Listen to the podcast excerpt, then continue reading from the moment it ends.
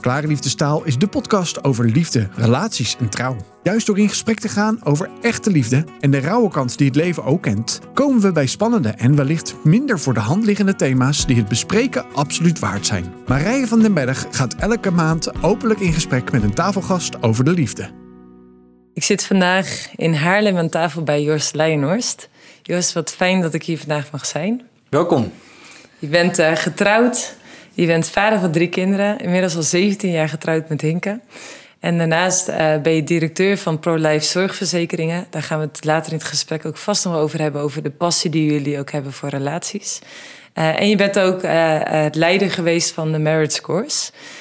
wat, is, wat is jouw eerste ervaring geweest met de Merit Course? Ja, die gaat al ver terug, want inderdaad 17 jaar getrouwd en in de aanloop daar naartoe hebben wij een pre-marriage course gedaan. Dus dat was een soort voorbereiding op getrouwd zijn. En dat is voor ons heel waardevol geweest. Uh, we ontdekten daar dat, dat in iedere relatie je tegen bepaalde ja, problemen, in ieder geval dat het thema's zijn waar je met z'n tweeën je weg in moet vinden. Omdat je van twee levens één maakt. Je allebei je eigenheid meeneemt en dus verschillend bent, moet je je weg vinden, bijvoorbeeld rondom uh, communicatie, financiën, seksualiteit, schoonfamilie, thema's die in elke relatie ingewikkeld kunnen zijn. Het was heel fijn daar te ontdekken dat wij niet de enige zijn die dingen ingewikkeld vinden en dat als, het, als je vastloopt samen, dat het niet meteen betekent dat je met de verkeerde partner bent getrouwd, maar dat je gewoon je weg hebt te vinden in dit soort vraagstukken. Ja, dus daar is wel mijn enthousiasme ontstaan dat, uh, dat je heel veel zelf kunt doen om het samen goed te hebben. Hm. Hey, en kun je een thema herinneren wat je daarin heel erg aansprak? Ja, wij ontdekten op meerdere fronten dat wij verschillend waren. Uh, laat ik uitlichten communicatie. Uh, misschien iets anders. Wij merkten daar dat wij heel erg geneigd zijn de ander te geven wat je zelf wilt ontvangen. Uh, dus de manier waarop ik getroost wil worden, is anders dan hoe ik getroost wil worden. En voor mij is een manier als ik iets moeilijk vind, als ik ergens verdriet over heb, ben ik geneigd om me wat terug te trekken. Uh, mezelf een dag uh, te gunnen dat ik uh, even lak heb aan alles en iedereen. En de volgende dag gaat de knop om en ben ik er weer. dus ik relativeer dingen, probeer op die manier dingen klein te maken, te negeren. is ook een manier om niet te voelen, heb ik later geleerd. Terwijl Um, dus dat is ook, ik ben geneigd om Hinke eigenlijk als Hinke probleem om dat ook klein te maken, om dat ook te relativeren. Terwijl zij gewoon wil dat ik even een arm om haar heen sla en haar vasthoud. Ja, dus dat het er even mag zijn. Ja, precies. En omgekeerd is zij dus geneigd om mij op die manier bij te staan. En daar zit ik dan even niet op te wachten. Ja, want dan komt ze met die arm om je heen. En dan denk je eigenlijk, laat me maar rust of zo. Precies, ja. En wat het mooie denk ik is dat aan de ene kant het inzicht dat je dus de ander wilt geven, geneigd bent de ander te geven wat je zelf wilt ontvangen. En tegelijkertijd dat de ander je wel degelijk iets te brengen heeft wat je misschien niet wilt, maar wat wel goed voor je is. En voor mij dus, soms helpt het om dingen wel even goed binnen te laten komen en te voelen. Uh, ja, dus die twee kanten. En heb je dat ook echt door de jaren heen moeten leren? Dat je dat je ook dat aan kunt kijken als er dingen zijn die moeilijk zijn in het leven. Om ze, om ze ook echt even te voelen en te doorvoelen. Om je daarin ook even te laten troosten. In plaats van dat je jezelf weer even bij de oortjes vastpakt en het relativeert. Het is niet mijn eerste natuur om, om op het voelen in te gaan. Misschien ook gewoon even door de deuken die ik in het leven heb opgelopen. Geneigd, dus mijn reflex is relativeren. Uh, ik merk het vooral nu ook even als ouder naar mijn kinderen ben ik ook vooral geneigd om uh, dat wat zij moeilijk vinden klein te maken. Maar ze hebben iets anders nodig. Mm. Dus uh, dat probeer ik ze te geven met vallen en opstaan. Maar daar, ook daarin vind ik het zo mooi om te zien hoe Hinke mij daar aanvult. Ik ben soms degene die dingen ook terecht relativeert, begrenst. Hinke kan ook heel veel oog hebben voor wat is nou onderliggend? Waar, maar wat, wat, wat, is, wat zit er nou in je ziel waar je last van hebt? Mhm. En eigenlijk heb je het beide nodig. Want als je alleen maar gaat, uh, gaat voelen en doorvoelen en erin rond gaat liggen rollen, dan kom je ook niet weer verder. Dus eigenlijk zijn jullie daarin een hele mooie aanvulling voor elkaar. Zeker, zo ben ik het gaan zien. Dat de kinderen dat ook echt zien, zeg maar. Van oké, okay, ja. je kunt echt doorvoelen en, en even rot voelen of even Ja. Even niet weten hoe dat je het moet of dat je even slachtoffer voelt van een situatie. Maar vervolgens is het ook wel de vraag: oké, wat ga je nu dan doen? Ja, Wat ja. is jouw stukje dan? ja, exact. Het is heel erg eh, zoeken per situatie wat nodig is. En dat is. eh, dus jouw vraag van hoe, hoe doe je dat? Ja, dat, dat blijft echt een zoektocht. En Hm. soms gaat dat heel goed en soms zitten we er toch weer helemaal naast. Hm. Dat is, eh, maar dat En- mag. Dat is oké. En als je nu kijkt echt maar, eh, in, in de afgelopen 17 jaar... eh, en met wat je geleerd hebt toen bij die pre-marriage course... wat is dan hetgene wat, dat, wat misschien wel je het meest bijgebleven is? Ehm, nou, dan toch weer dat liefde alleen is niet genoeg. Hm. De, een quote die ik tegenkwam is... een goed huwelijk begint als je trouwt wie je lief hebt... en komt tot bloei als je lief hebt wie je trouwt. Dus de basis is, en dat was er bij ons ook volop... wij vonden het heerlijk om tijd samen door te brengen. Samen op pad, kletsen, konden uren kletsen... Ehm Hinke houdt gelukkig ook heel erg van sporten, dus ik kan ook even mijn mannelijke activiteiten met haar delen. Eh, aantrekkingskracht lijkt me ook heel belangrijk. Eh, op de grote vragen, de fundamenten van het leven, moet je elkaar wel wat vinden. En dat was er allemaal. En bij ons kwam er ook nog eens bij de overtuiging dat wat er ook zou gebeuren in ons leven, wij zouden dat samen wel aankunnen. Ook in de diepe overtuiging dat God met ons die weg zou gaan. Ehm, maar vervolgens, als je dan voor elkaar kiest, dan moet dat wel allemaal gaan gebeuren. En de praktijk is dan dat je heel geregeld tegen je eigen gevoel in de goede keuze moet maken. En dat is echt heel erg ingewikkeld. En als ik terugdenk, vooral in het begin van onze relatie, het eerste jaar dat we bij elkaar in een huiskamer wonen, liepen daar heel erg tegenaan. Gewoon toch elkaar niet goed begrijpen nog. Ehm, en dat was de, in de verkeringstijd ook wel, maar dan kon je altijd nog weer naar huis. Dan had je wel onze eigen kamer, we studeerden. Ja, maar dan kon je niet meer. Ja, ja dus de, je, moest gewoon, je moest er doorheen samen. Ja, En, dat, en kun je ons eens meenemen in hoe, de- hoe dat dan ging, zeg maar? Je, je was elkaar even kwijt en dan? Je, Ja, wat ik me dan herinner is dat wij soms in bed lagen. Eh, we hadden een tweepersoons bed van 1,40 en dan lagen we allebei op het randje met de rug naar elkaar toe. En, dan voelde je dat die spanning in de lucht hing. Er waren nog geen mobiele telefoons, dus ja, ja je was aan het lezen, ik weet niet meer precies. Maar, maar die spanning die moet dan doorbroken worden. En dan kun je echt even heel eenzaam voelen in je relatie, in je eigen huis. En op een gegeven moment, eh, meestal was Hinke dan eh, de eerste. Ik, ik kon iets langer wachten. Het is ook wel dapper van haar dat ze dat dan wel durfde. Ja, door ja. die spanning heen. eh, Ik, ja, ik vind dat niet heel sterk voor mezelf, maar ik kan best lang net doen alsof er niks aan de hand is. En Hinke kan dat niet zo lang, gelukkig. En ik heb denk ik wel een beetje van haar geleerd om wel ook wat vaker die eerste stap te zetten. Maar dan lagen we met de rug naar elkaar toe en dan op een gegeven moment hoorde ik Jos. En dan wist ik, ja, ik heb nu twee keuzes. De een is eh, die van het meebewegen en kwetsbaarheid van schat, ik snap het, ik heb sorry. Nou, dan ben je misschien drie kwartier aan het praten, geef je elkaar een knuffel, val je heerlijk in slaap. En optie twee is, ehm, je gaat er met een gestrekt been in. Eh, je zegt dat het allemaal nergens op slaat. En dan ben je ongeveer drie uur verder voordat je gaat slapen. Met wel hetzelfde eindpunt. Ja, en ik, ik ben er nogmaals niet trots op, maar ik heb het karakter dat ik dan toch vaak voor optie 2 koos. Ja, waardoor we echt urenlang in zo'n gesprek zaten van hoe komen we hier nou weer uit? Ehm, en ik vertelde het wat grappend misschien, maar dat was, eh, vonden we echt wel heel pittige momenten. ja, en toen was je elkaar gewoon was even de verbinding kwijt. Je kan echt even kwijt. En wat zou je jezelf adviseren nu met de 17 jaar wijsheid die je vergaard hebt of ervaring? Wat zou je nu tegen jezelf zeggen in die situatie?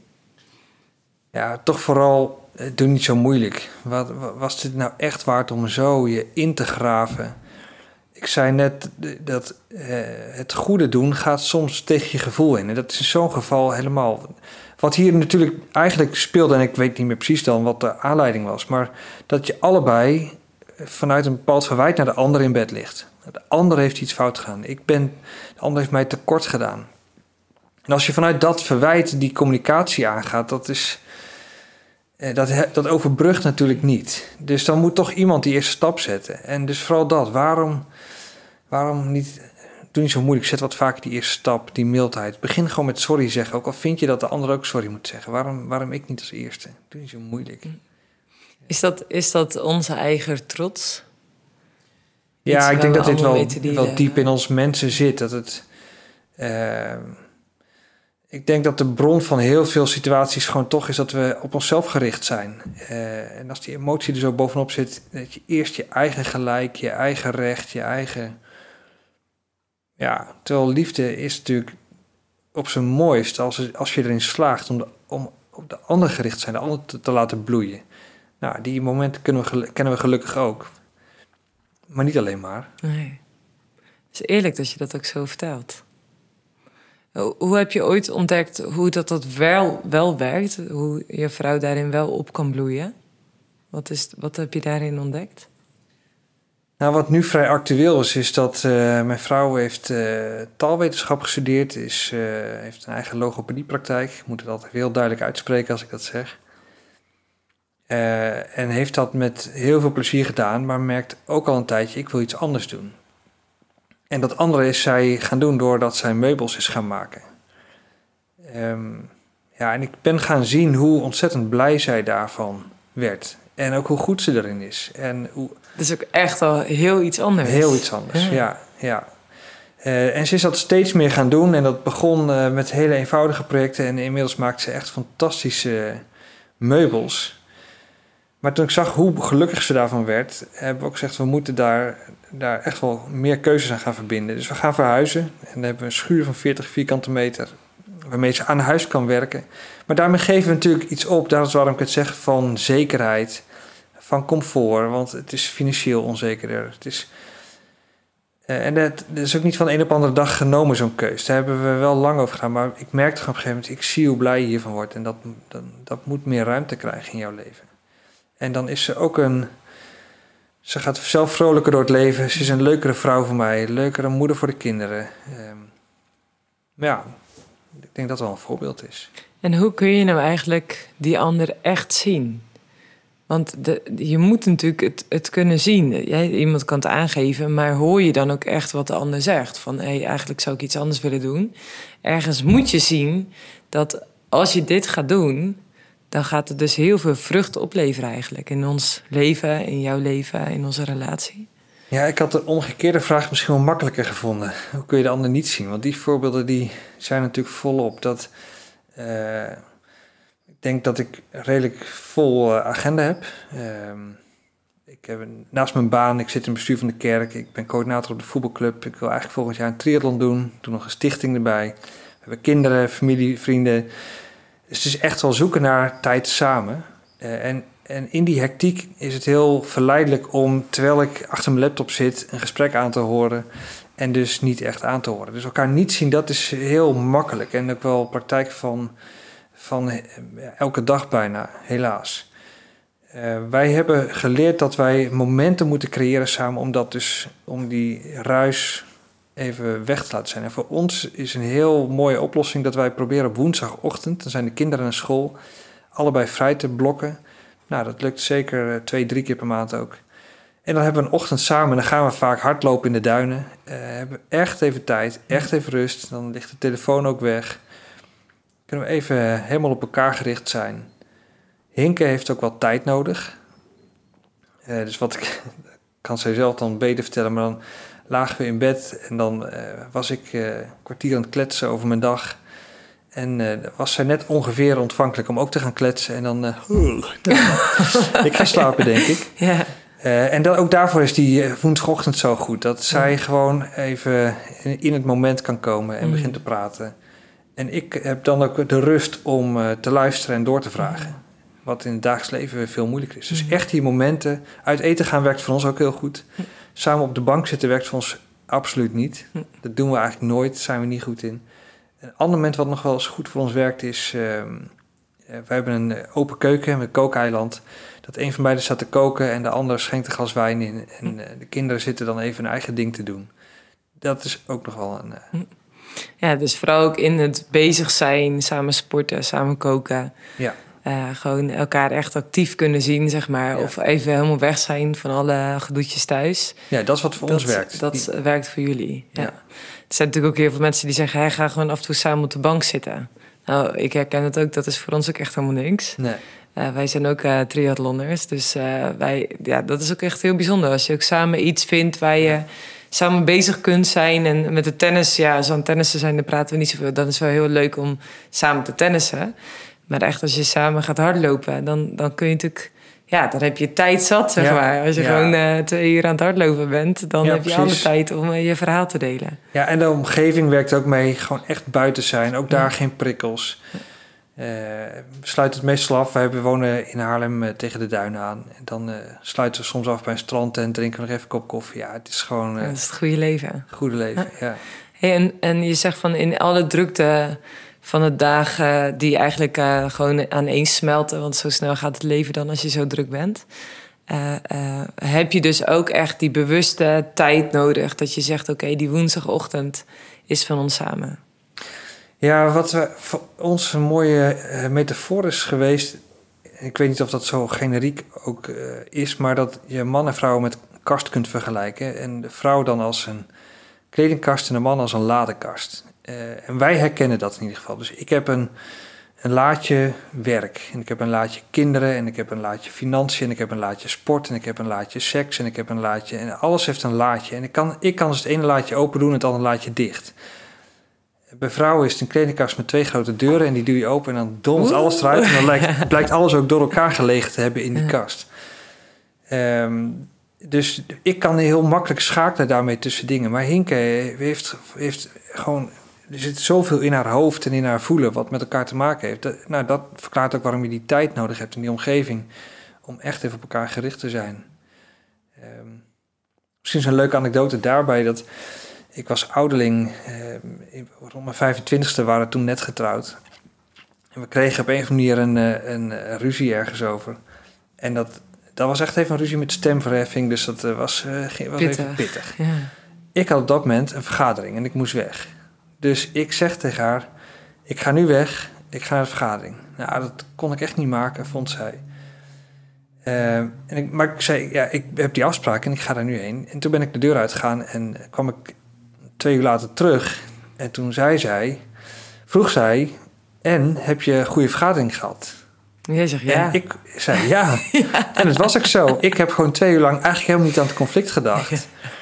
En zij kon zich dat zo niet Zij kon voorstellen. zich, dat was voor haar een bevestiging dat ik, het, dat ik haar niet serieus nam. Eh, dat ik gewoon het helemaal niet belangrijk vond. En daar was eigenlijk dat later, door dat kastenvoorbeeld, zijn we dat wat beter gaan snappen. Ja. Want het- zo voelde ik dat niet. Maar zij is twee uur lang lopen baden thuis. Ja. Dus ik weet niet of ik er slim aan heb gedaan om weg te gaan. Maar, maar het is een mooie illustratie van. Ja, het verschil tussen man en vrouw. Ja, ik zei ook altijd, eh, ik heb hier heel veel les gegeven over les gegeven op scholen. Over het thema seksualiteit en ook verschil tussen mannen- en vrouwenbrein. Ja, En dat is echt gigantisch, zeg maar. Ik zeg ook tegen de jongens, jullie kunnen de deur dicht doen en op school komen en zeggen, nou, de gezeik thuis. En de meisjes die gaan met elkaar naar de wc en eh, allemaal gaan ze hun verhaal allemaal delen en huilen en eh, delen. Ja. En, eh, zeg maar, want zij nemen dat gewoon mee naar school. ja. En dat is daarin toch ook wel echt een verschil, zeg maar. En nemen die jongens het dan niet mee? Nee, ja, als ze thuiskomen worden ze er weer mee geconfronteerd. Maar een jongen heeft wel emotie, of een man heeft wel emoties. Maar hij gaat er op een hele andere manier mee om dan dat veel vrouwen dat doen. ja, Het is natuurlijk enorm gegeneraliseerd. ja. Maar het is natuurlijk wel eh eh, d- duidelijk een verschil. zeker. Zeker. Voor ons heel herkenbaar. Ja. Hey, en als je kijkt naar de, de levenslessen die je geleerd hebt over de liefde... kun je nog een les aan ons meegeven? Ja, de Bijbel heeft het over de kleine vossen die de oogst verwoesten. Dat vind ik ook een hele treffende tekst. Hooglied Ehm, eh 2. ja, dat weet je dan vers beter dan ik. 16, Maar in ieder geval Hooglied. Ja. Ehm, ja, wat ik, hoe, hoe ik dat dan zelf duid is dat als je ooit tot het punt komt van uit elkaar gaan of vreemd gaan of wat dan ook, dan is het heel makkelijk om daar iets van te vinden van dat is niet goed. Maar er zijn talloze kleine vossen aan vooraf de kleine keuzes, kleine momenten die de oogst verwoest hebben. Ehm, dus dus de, de alert, het vraagt echt de alertheid om in het alledaagse die kleine vossen te zien. En dat, dat zit, om het heel concreet te maken, bijvoorbeeld in geef ik, geven we elkaar een kus als je 's ochtends de deur uitgaat. Eh, ik heb, Hinke vertelde mij een keer, eh, zij gaat op dinsdagavond naar orkest, dan komt ze terug en die avond zit ik eigenlijk altijd gewoon te werken. Want ik moet toch thuis zijn, ik vind het heerlijk s'avonds werken. Dat ze dan soms thuis komt en dat ik, terwijl ik naar mijn scherm zit te kijken, hoi zeg, zonder haar aan te kijken. Ja, dat is gewoon niet oké. Dat zijn die kleine vossen eh, waar je net even een klein stukje op afstand van elkaar komt te staan. Want wat kan er dan gebeuren als je, als je dat doet? Op afstand van elkaar raken. Dus je, eh, wat er dan kan gebeuren is dat Hinke eh, denkt: Oh, hij ziet mij niet of hij neemt mij ter kennisgeving aan. Nou, ik ga maar naar boven en dan ga ik vast in bed liggen. En eh, terwijl samen naar bed gaan, volgens mij, hoeft niet altijd, maar op heel veel avonden wel goed is. Ook belangrijk. Ja, want wat zit daar voor, wat zit daar voor iets in? Dat samen naar bed gaan? Nou, het samen optrekken, samen de dag afsluiten. ehm, eh, gewoon samen zijn. Dat je, als je in je eentje gaat slapen, ja, dat kan natuurlijk prima. Ik wil niet eh, daar al te wettisch eh, in zijn. Nee, je, je, je laat er een stukje schoonheid in zien. Dus het voelt niet als wettisch wat je deelt. Maar er Ja. zijn misschien mensen die luisteren die zeggen... oh, dat doe ik eigenlijk nooit. Dat je ze eigenlijk mee kunt nemen eigenlijk in de schoonheid... van datgene wat jullie geleerd hebben. Ja, dankjewel. Ehm ja, het, het, het, is, eh, het voelt goed om samen de dag af te sluiten. eh, samen naar bed te gaan, samen een nieuwe dag te beginnen. Dat, eh, Ja, echt als maatjes op te trekken ja, samen. ja. Eh, en het, is, eh, het gebeurt geregeld dat een van ons elders logeert. Eh, want daarin laten we elkaar juist best vrij. Eh, komend weekend ga ik een nachtje met vrienden afspreken, zitten bij elkaar in huis. Ja, dat, dat, dat, daar zijn wij weer heel makkelijk in. Maar het, juist dan is het belangrijk dat je, als je bij elkaar bent, dat je er ook bent. En misschien is dat het wel, dat, dat als je bij elkaar bent, dat je ook echt bij elkaar bent. Ja, Dus dat je aandacht hebt voor elkaar en dat je elkaar ziet. Dus dat je niet alleen maar er bent. ja de, dus de aanwezigheid van de ander... leven. Ja, de, de aanwezigheid van de ander mag nooit vanzelfsprekend worden. En dat, die, die- dat kan het een beetje krijgen als de een gewoon naar bed gaat, als, de, als, als diegene naar bed wil. Wat bij ons wel een beetje speelt is dat Hinke is echt meer ochtendmens, ik ben meer avondmens. Dus daar moeten we wel wat compromissen in zoeken Hm. soms. So- Soms gaan we samen naar bed en lig ik nog wel een tijdje de dingen te lezen in bed en dan gaat zij alvast slapen. Hm. Dus ja, Hinke vindt het ook gewoon helemaal niet gezellig om alleen naar bed te gaan. Dus Ja. ook dat, dat is misschien ook, ik wil ik ook gewoon rekening mee houden. Ja, dus dat is ook een stukje daarin dat je zegt... Hey, het geeft eigenlijk zoveel goeds als je afstemt op elkaar. Van hey, wat vind je prettig en in hoeverre kan ik daar een bijdrage in leveren? Ja, ja. Niet zozeer van... eh, hè, ik moet die offers brengen, maar je kunt eigenlijk iemand ook verrassen... of gewoon mooie gewoontes aanleren met elkaar... die niet wettisch zijn, maar die gaan over... ik zie jou of ik vind jouw wens belangrijk... of hè, ik weet dat dit belangrijk voor je is, dus ik doe dat voor jou. Ja, ja, zoals ik het ook prima vind dat als zij wel een keer eerder naar bed wil, dat ik eh, nog even voetbal kijk. Ja. Eh, en het omgekeerde gebeurt ook. Dan eh, gaat Hinke nog, omdat ze zo veel interesse heeft in hout en ruimtes, eh, zit zij VT Wonen te kijken. Ja. Ga ik naar bed, dan komt ze om drie uur s'nachts naar boven, dat Oh, ze slaapt vallen op de bank. Ja, dat is, ja, Ja, eerlijk. Ja, het is ook mooi dat er dan voor beide ook gewoon ruimte is voor een stukje passie. ja. Ondanks een druk gezinsleven. Want waarschijnlijk is dat ook wel... Wat herinner je nog van de tijd dat jullie jullie eerste kindje mochten krijgen? Eh, dat is ook echt zo'n eh, ja. bijzondere tijd. ja, dat was waanzinnig natuurlijk. Eh, de blijdschap. Straal, straal. Ja, Ja, als je voor het eerst ontdekt dat je zwanger bent en een plaatje kunt gaan vormen dat je een gezinnetje wordt. Ja, is fantastisch. En onze oudste dochter is nu 13. Was ook een heel, makkelijk, eh, heel makkelijke baby. Die sleepten wij overal naartoe.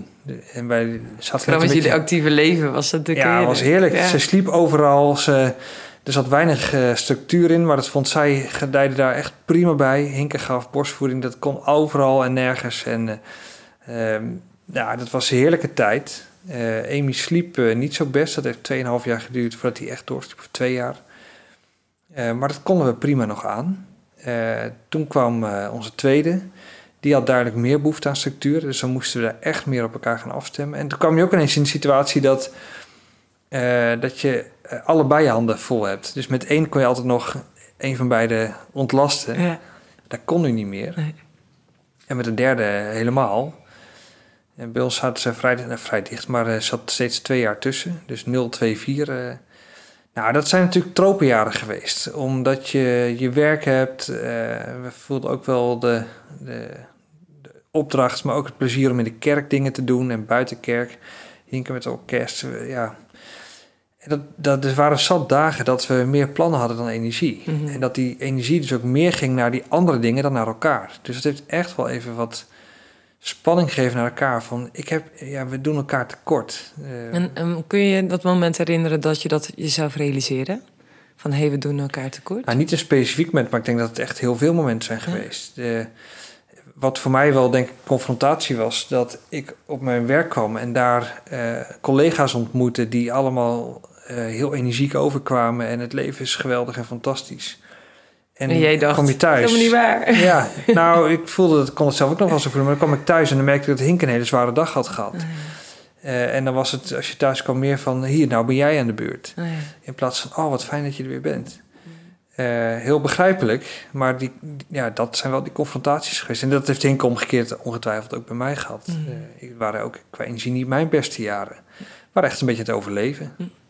Hey, en, en hoe heb je dan toch dat ja, toch wel kunnen overleven samen? Of hoe ben je die tropenjaren dan wel doorgekomen? En het is bij tijd, het, is, geeft natuurlijk ook wel hele mooie momenten wellicht in zich. Het is niet alleen maar, uh, hoe het is zwaar en we hebben helemaal geen energie. Maar ergens is dat wel, denk ik, een risicotijd van hoe verlies je elkaar dan niet uit het oog? Ja, je moet, dat, je moet op een of andere manier grenzen stellen. Dat uh, hebben wij gedaan doordat wij proberen de donderdagavond te reserveren als uh, ons moment. En dan gingen we, noemden we thuis uit eten. Nee.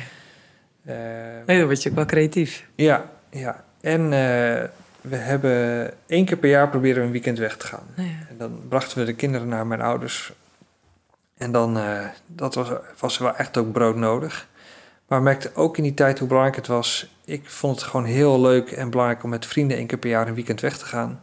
En dat was heel, heel belastend voor Hinken natuurlijk in die jaren. En uh, maar toen hebben we ook gezegd, toen heeft ze ook wel eens gevraagd van, maar ja, moet je dat dan doen? En toen zei ik, ja, ik denk dat jij dat ook moet gaan doen. Uh, want die pittige kant, die blijft wel. En daar heb je niet zoveel invloed op. Want die kinderen zijn er en die hebben je nodig. En daar kun je geen concessies aan doen. Uh, die andere kant, om weer op te laden en plezier te hebben... ja, die, die moet je wel, daar heb je wel invloed op. En daar moet je ook zelf voor kiezen. Dus daar, en natuurlijk is dat zoeken naar evenwicht... omdat je de ander ook niet uh, onnodig daar alleen voor wilt laten staan... Maar nou, zo hebben we dat ja, overleefd, laat ik het zo zeggen. Dus eigenlijk dat je zei van oké, okay, we gaan allebei elk jaar een weekend weg. Uh, en dan, dan moet de ander even meer stretchen om de boel draaiende te houden. Ja. Maar ook wel dus het belang naast dus met elkaar ervoor gaan... en de schouders eronder om die tropenjaren ook samen goed door te komen. Ja. Ook echt te kijken van oké, okay, hoe kunnen we ook allebei weer opladen, ook in die periode. Ja, dus die, uh, dat wat het leven dan even pittig maakt, dat blijft wel. En daar moet je ook niet voor weglopen. Is ook helemaal niet erg. Maar zorg wel dat er iets tegenover staat wat, waar je nog steeds plezier in vindt. En waar je er oplaadt en waar je het gevoel hebt van ik leef. Dat, vooral dat. Ja. En je noemde net die vossen. Dus hè, pas op voor die vossen die de oogst uh, vernietigen. En daar noemde je bij van uh, daarin ook echt op te letten in wat de ander belangrijk vindt. Of daar samen uh, echt bewust aandacht hebben voor elkaar. Of daarin ook een mooie gewoonte om samen tegelijkertijd naar bed te gaan. En niet als wet, maar als mooie, ja, mooie toevoeging in het geheel. Als je kijkt naar die vos in het leven, dan, dan, uh, hè, dan is het misschien goed voor een ieder die ook luistert om eens na te denken van oké, wat zijn dan die vosjes die tussen ons in kunnen komen te staan? Die zo'n beetje slinks in onze wijngaard komen van, uh, van de liefde, waar allemaal wijnranken staan die tot bloei komen. Waarbij die vossen met de staart als het ware al die bloesems stuk kunnen slaan. Dus eigenlijk ook een goed reflectiemoment voor, uh, voor luisteraars om eens na te denken van oké, okay, wat zijn dan de vosjes die in ons, ja. hè, in ons leven zo uh, naar binnen kunnen sluipen, die eigenlijk heel veel vrucht of heel veel bloesem, datgene wat nog vrucht gaat dragen, eigenlijk kan vernietigen. Ja, ik denk dat dat een hele mooie vraag is voor mij en ook voor iedereen die luistert. Wat ben ik, wat zijn wij normaal gaan vinden wat niet normaal zou moeten zijn in ons leven? Uh, en dat geldt voor heel veel aspecten van ons leven, hoe je omgaat met je gezondheid, maar ook zeker voor je relatie. Uh, wij hebben een jaar in uh, Cameroen gewoond en gewerkt. En daar zaten wij in het huis van een Amerikaanse vrouw die getrouwd was met een Cameroense man. Dus intercultureel huwelijk. En daar lag een dvd-reeks Love and Respect. En dat is inmiddels vertaald in Nederlands Liefde en Respect. Is dat dat uh, paarse boek? Ja, ja. ja, Emerson Emmerich, als ik me Dat heeft ons uh, heel erg geholpen. Hij beschreef daarin de, het rad van de waanzin, zo heet dat. Een man die zich niet gerespecteerd voelt, zal zijn vrouw niet lief hebben. En een vrouw die zich niet geliefd voelt, zal haar man niet respecteren. En dat werkt als een soort vicieuze cirkel. Die dus ook de andere kant op kan werken. Een man die zich geliefd voelt, ge, uh, gerespecteerd voelt, geeft zijn vrouw liefde. En een vrouw die zich geliefd voelt, geeft een man respect. Ja, dus je gaat of in de opwaartse spiraal, of je gaat heel snel ja. downward, ja. zeg maar. En wij vonden, gebaseerd op die bijbeltekst... een man moet zijn vrouw lief hebben en een vrouw moet haar man respecteren. Wat altijd zo'n rare tekst leek. Maar daar ontdekte ik dat het zijn echt existentieel verschillende behoeften... tussen mannen en vrouwen. En wat is dan voor mij gerespecteerd voelen? Dat zit in uh, dat Hinke zich veilig bij me voelt. Dat ze zich aan mij toevertrouwt. Dat ze me op een manier bewondert om wat ik doe en presteer. En ja, dat, dat heb, vind ik belangrijker dan dat ik het gevoel heb dat ik de enige ben, of dat ik lekker ruik, of dat ik zo lief of zo. Mm dat, is niet per se waar ik mij heel mannelijk door ga voelen. En ja, dus het zijn echt diepe dingen waarin jij jezelf kunt ontfermen over haar, of haar als het kan, kan beschermen, zeg maar. Exact, ja. Het kunnen zorgen, het beschermen. Ja, daar, als, ik dat, als ik merk dat ik die rol voor haar kan vervullen, dan voel ik mij het meest in mijn element. Uh, en het, tegenovergestelde daarvan is, uh, en dat is wat je volgens mij uh, toch geregeld ziet in relaties, dat een soort patroon, denk ik, is bij ons dat ik op een of andere manier te weinig aandacht heb voor hinken. Dat geliefd zijn, dat wat ben je mooi, wat ben je bijzonder. Je bent die prinses, als daar die koningin. ik heb te weinig oog voor haar. En dan komt er een punt waarop Hinke dat vervelend vindt. En dan laat ze mij dat merken. Dus zij vraagt eigenlijk om positieve aandacht, maar dat doet ze dan niet altijd op een positieve manier. Uh, laat ik gewoon maar zeggen, een negatieve manier. En dat is het moment waarop ik dan weer ga reageren op de manier waarop zij om aandacht vraagt. En, niet, en dus voorbij ga aan die behoefte. En daar zit, wat is dan die negatieve manier? Dat is uh, toch verwijt, kritiek, mopperen, uh, mopperen de schuld neerleggen van dingen bij mij. Ja, en dat is, uh, dan, dan kom je dus in dat rad de verkeerde kant op. Um, en dat rad kan maar op één manier doorbroken worden, dat één van beiden dus dan zegt, joh, ik voel me niet zo geliefd of ik voel me niet zo gerespecteerd. Of... Dus eigenlijk is het erkennen wat er dus in je leeft, in plaats van uit emotie op de ander te reageren. Ja, en vooral dus ook weer snappen dat de ander een behoefte heeft die je misschien niet geneigd bent om te geven, maar die wel belangrijk is. Uh, dus hoe vaak, hoe vaak wil Hinke horen dat ik van haar hou? Eigenlijk altijd één keer meer dan, wat ik heb, dan dat ik het heb gezegd. Mm.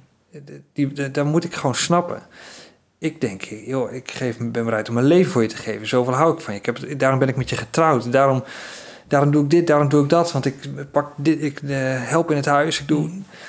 Dus ik denk zelf, dat moet je toch wel weten onderhand. En toch heeft ze het nodig dat ik het zeg. En, eh, en ook op andere manieren laat merken. Ook na 17 jaar nog. Ook al vanuit uh, overtuiging, wij gaan samen auto ja. Omdat ze het wel weet, maar ze moet het ook voelen. Ja. ja.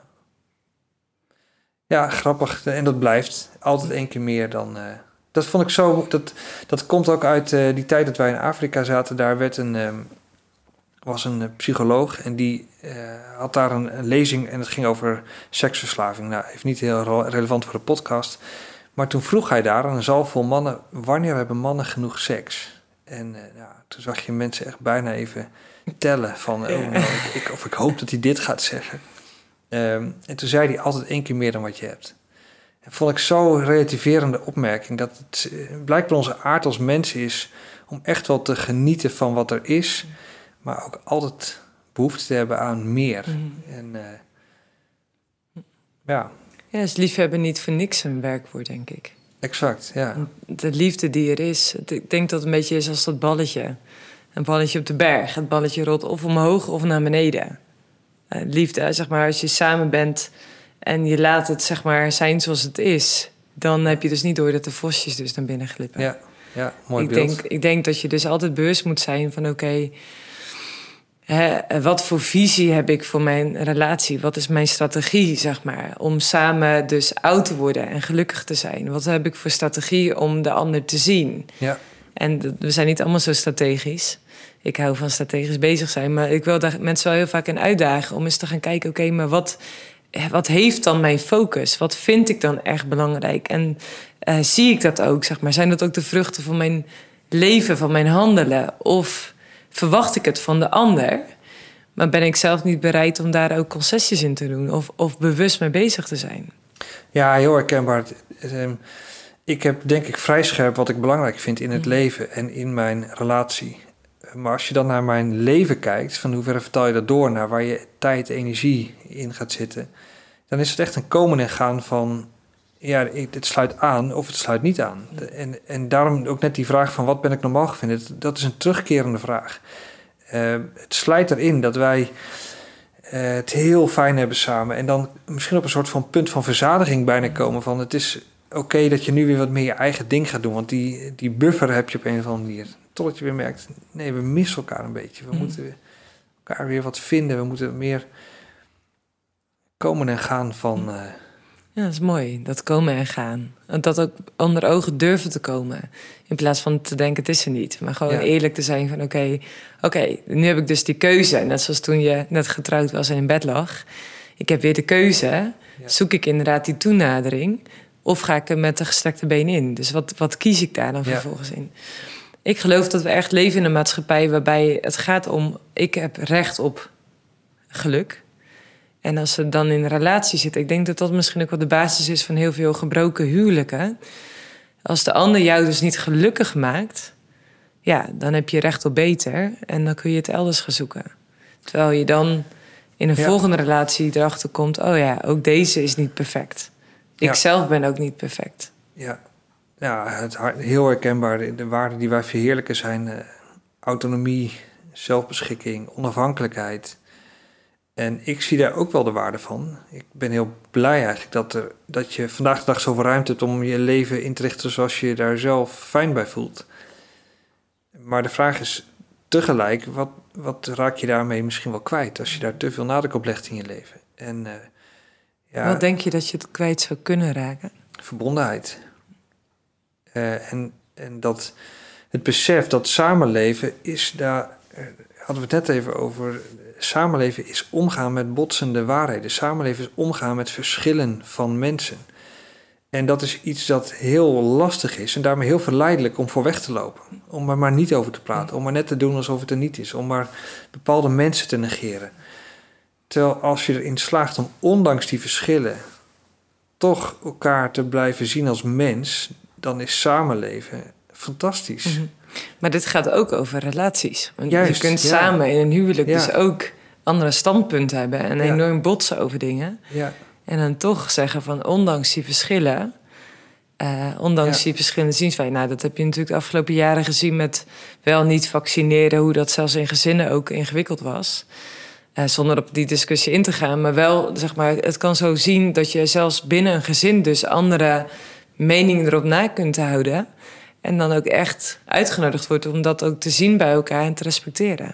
Ja, Henk, eh, wij, wij zitten nu in een verhuisproces. En dan worden we weer even heel hard geconfronteerd met hoe verschillend wij met zo'n situatie omgaan.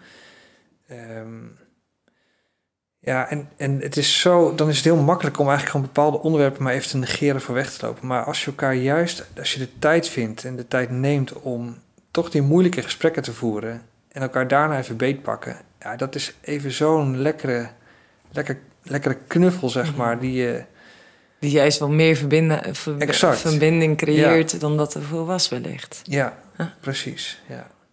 Maar daar zit dus een factor tijd en aandacht voor elkaar nemen. Bewust worden, wat vind ik eigenlijk, wat voel ik eigenlijk. Um, maar daar dus ook dat moment in creëren om, dat, om daar ook samen over in gesprek te gaan. Ja, tijd is een van de grootste valkuilen, geloof ik, in relaties. Omdat, nogmaals, die wil, ik geloof dat de wil er is. Mensen die bij elkaar zijn, die, die doen dat omdat ze ooit een moment hebben gehad dat ze zich fijn voelden bij elkaar, graag bij elkaar wilden zijn. Eh, en dat je dat kwijtraakt, zijn al die kleine vossen, maar die zijn ook heel vaak te herleiden naar gewoon gebrek aan tijd. En dan op een gegeven moment het geloof verliezen dat dat wat je ooit had, weer terug kan komen. Hm. Maar misschien zijn er door al die tijden heen wel zoveel oude koeien ontstaan. Die dus door je s'nachts om te draaien van de ander, weg te draaien van de ander, ergens denkt, laat maar, de dag daarna heb je het er niet meer over. Maar ergens is dat ergens achter in je hoofd nog wel een stukje gekwetstheid of frustratie of boosheid of jezelf niet gezien weten of eenzaamheid. Dat op een gegeven moment je niet eens meer kunt aanstippen waarom dat die, die eerste liefde vertrokken is. Ja, ja absoluut. Wij hebben vanuit ons werk daar zijn we ook met het thema bezig. En dat is een van de, een van de uh, scheiden komt voor. Hè. Dat is, is ook echt niet altijd te voorkomen. Daar wil ik niet uh, bouwde uitspraak over doen. Mhm. Maar soms wel. Uh, en, en als je mensen dan vraagt van waar is het misgegaan, dan weten mensen dat soms niet. Ze zijn, die kleine vossen zijn hun werk gaan doen. En op een gegeven moment kom je op een soort van point of no return. Dat je niet meer ziet hoe je eruit kunt komen. Het is te groot, te complex, te diep te zwaar dat je het niet meer ziet en het ook niet meer op kunt brengen. Uh, ja, dat is natuurlijk gewoon zonde. Als mensen van elkaar gehouden hebben en misschien nog steeds zo, maar, maar die weg niet meer weten. En als iemand nu luistert en die zegt: Jos, je omschrijft nu eigenlijk waar wij staan, maar we willen niet uit elkaar. Hoe vinden we dan die weg weer terug? Ja, ik wil daar niet al te makkelijke oplossing voor aandragen, omdat het juist zo ingewikkeld is. Maar uh, als het verlangen er is, dan is er nog een basis. Um, en als je bereid bent om een, uh, dan een soms lange, heftige, confronterende weg te gaan, dan, dan geloof ik dat er heel veel mogelijk is. In de eerste plaats geloof ik dat als christen. Met, bij God is altijd een nieuw begin mogelijk. En als we dat mee kunnen brengen in onze relaties, uh, dat zou waanzinnig zijn. Die genade die God voor ons heeft, ook naar jezelf en ook naar je partner. Maar ik denk dat voor heel veel van de situaties ook geldt dat mensen dat je daar hulp bij nodig hebt. Dat je daar met z'n twee niet uitkomt. En dat is ook helemaal niet, is geen schande. Het is heel verstandig. Het kan heel mooi, waardevol zijn. Dus wij werken met therapeuten samen die fantastisch mooi werk doen. En die, die er echt in slagen om mensen met elkaar een gesprek te laten voeren waar ze met z'n tweeën gewoon niet mm. toe komen. Dus uh, wees hoopvol. Het heeft ook heel erg je hart. Ja, zeker. Ja, ik zie het helemaal aan hoe je... Jammer genoeg hebben we geen beeld erbij... maar je, je ogen worden, gaan ook helemaal stralen, zeg maar, nu je hierover vertelt. Ja, ik geloof dat hier, dit, dit de basis is in zoveel aspecten van het leven. Dat als we, als we de liefde de juiste plek geven... dan zijn we een voorbeeld voor onze kinderen. we doen recht aan het leven als, we, als de liefde een goede plek heeft. Ja. Zoals God het heeft bedoeld. En dat is dat is, de, dat is die mooie kant van liefde die bijna onbeschrijfelijk is. En tegelijk ook de diepte van wat is het ellendig. En ik wil bijna woorden gaan gebruiken. Wat kan het ook je leven ontzettend ingewikkeld maken. Ja. Ja. Heb je nog een... Uh, we zitten inmiddels alweer uh, lekker lang in gesprek. We kunnen echt nog uren hierover kletsen. Heb je nog een slotakkoord voor de luisteraar? Ja, dan wil ik twee dingen eigenlijk herhalen. Het eerste is die vraag: wat ben ik normaal gaan vinden wat niet normaal zou moeten zijn? Verwonder je over je eigen leven, over het leven met je partner? En het tweede is: de genade is zo belangrijk ook in ons, in ons leven. God heeft, is genadig naar ons, maar we mogen en moeten echt genadig zijn naar onszelf en naar onze partner. We maken fouten. Um, maar we kunnen ook opstaan. En als dat lukt, dan is de liefde het mooiste wat er is. Prachtig. En zet samen daarin dus ook, als je Hooglied 2 samen even leest, denk na over wat voor muurtje je ook om je levenstuin samen kunt bouwen. Ja, om die vosjes buiten de deur te houden. Ja. En ga af en toe eens op jacht van oké, wat zijn dan dus inderdaad die dingen die wel eens tussenin kunnen gaan staan? Of wat worden die oude koeien die in de sloot zitten? En dat gewoon eens even op tafel leggen en niet dan relativeren en van tafel afschuiven. Maar gewoon elkaar in de ogen te kijken en elkaar weer te vinden. Om vervolgens te merken, ja, we zijn samen. We kennen elkaar, we vinden elkaar. En we gaan samen oud worden. Yes. Bedankt voor het mooie gesprek, Jos. Jij ook. En ben je nu verzekerd bij ProLife Verzekeringen? Uh, kijk dan, zeg maar, wat je ook kunt doen. Uh, de, de therapeuten die ook aangesloten zijn bij hun. Laat het niet te ver komen. Dat wil ik je echt oproepen. Niet dat je, als er geen weg meer terug is samen dat je elkaar niet meer kunt vinden. Maar gewoon eens af en toe gaan zitten. Oké, wat is onze strategie? Wat vinden we echt belangrijk? Wat is onze visie voor ons huwelijk, voor onze relatie, voor ons gezin? Om daarin een toekomst te bouwen die, die welluidend is, waar liefde heerst. En uh, waar God gewoon geëerd wordt en de, de basis is in het huis. Succes ermee.